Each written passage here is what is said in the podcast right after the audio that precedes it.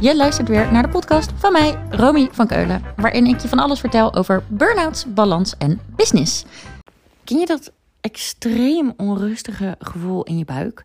Ehm, ik heb dat altijd in mijn buik. En ik, ik bijvoorbeeld bij de deelnemers van het uh, online balance programma vraag ik ook altijd: joh, waar zitten die gevoelens van jou? Zitten die in je buik of zitten die rondom je hart? Nou, bij een aantal eh, in de buik, bij een aantal rondom het hart.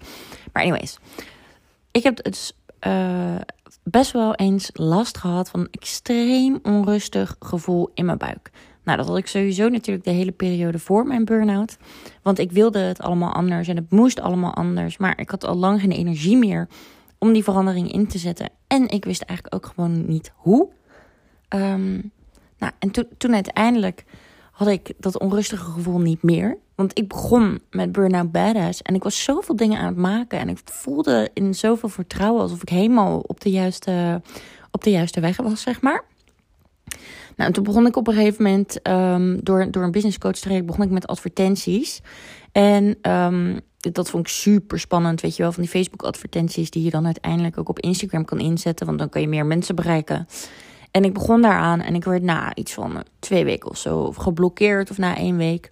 Omdat ik alle uh, richtlijnen van Facebook en Instagram had, uh, niet had nageleefd. En uh, ik was niet alleen als, als, als ehm, business account ge geblokkeerd, maar ook als persoonlijk account. Nou, ik voelde me echt helemaal aangesproken. Ik voelde me helemaal een crimineel, alsof ik echt insane shit aan het verkopen was.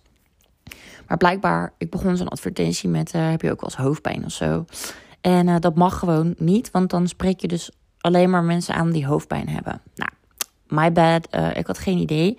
Maar de rest van mijn uh, bedrijfsstrategie was op dat moment gebaseerd op die advertenties. Het idee was dat als je heel veel advertenties uh, in zou zetten, dat je dan heel veel mensen in een mailfunnel, hè, misschien heb je mijn e-book wel eens gedownload en dan kom je dus in zo'n mailfunnel terecht. Nou, en dan vanuit daar kan je, kan je kijken, hey, wie is mijn ideale klant en wie wil ik echt super graag nog verder helpen met een één op één traject. Nou goed, um, die advertenties werden dus geblokkeerd, dus mijn strategie viel een beetje in het niks.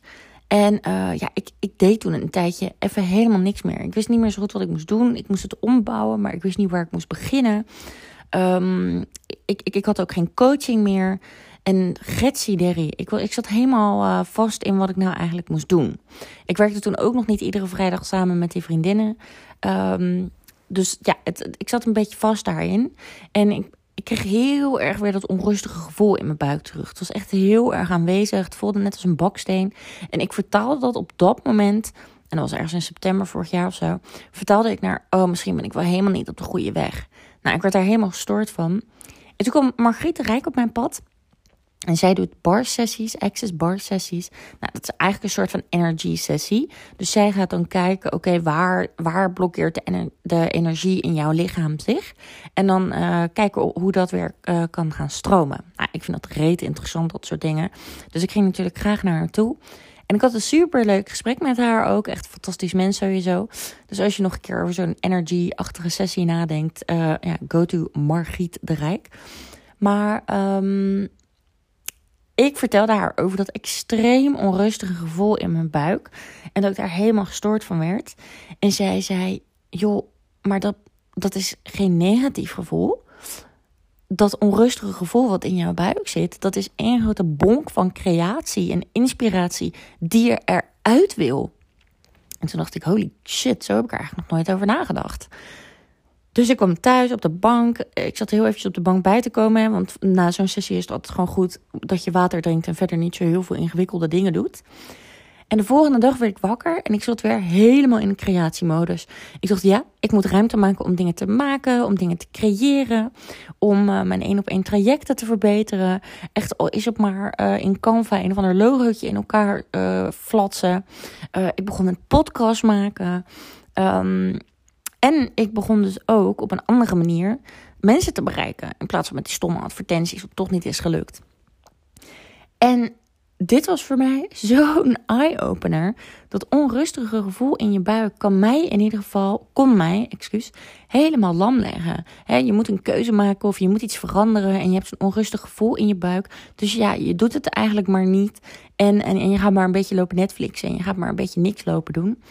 Terwijl je kan dat gevoel natuurlijk dus ook gewoon zien als oh my god, er zit zoveel in, in jouw lijf wat eruit wil. Um, start experimenting. Ga dingen doen. En dat is ook een beetje het verlengde van de vorige podcast. Als je die nog niet hebt gehoord, dan zou ik ook echt aanraden om die te luisteren. Uh, het hele ik zit vast, weten wat je wil verhaal. Ja, daar kun je dus ook echt een rotgevoel aan overhouden. Bijvoorbeeld zo'n onrustig gevoel. Maar als je dat als je dat gevoel nou eens een ander labeltje kan geven. Niet, oh my god, alles gaat mis en ik zit vast en ik weet niet meer wat ik moet doen. Maar wow, er zit zoveel inspiratie en creatie in mijn buik gewoon wat eruit moet. Ik moet daar wat mee. Uh, ik moet dat de ruimte gaan geven. En dan, uh, en dan komt vanzelf de flow er wel weer in. Um, ja, dat, dat is natuurlijk een veel fijner label wat je op zo'n gevoel kan plakken. Waardoor je dus weer wel in actie komt. Ik hoop dat als je een onrustig gevoel in je buik vaak hebt, dat je dan na deze podcast bijvoorbeeld heel even een paar minuten je ogen dicht doet, even met je handen op je buik en dan denkt: oké, wat zit hier dan allemaal in? Wat voor creatie, inspiratie zit hier dan allemaal? Uh, zou hier dan allemaal in kunnen zitten? En op welke manier kan ik daar dan een beetje ruimte voor maken? En kan ik daarmee uh, aan de slag? En dan hoop ik heel erg dat je in plaats van vastzit, toch een beetje in beweging komt. Heel veel plezier. En laat mij ook vooral weten uh, wat hier uitkomt. Als er iets uitkomt. Vind ik vet leuk om te horen. Uh, al ga je een puzzel maken, een tekening. Ik heb een tekening. Dat klinkt wel vrij kinderachtig. Maar ik heb van die kleurboeken voor volwassenen, weet je wel. Vind ik soms ook echt heerlijk om, uh, om in te kleuren. Um, dus al doe je zoiets, weet je. Maar dan laat je het er in ieder geval even uit.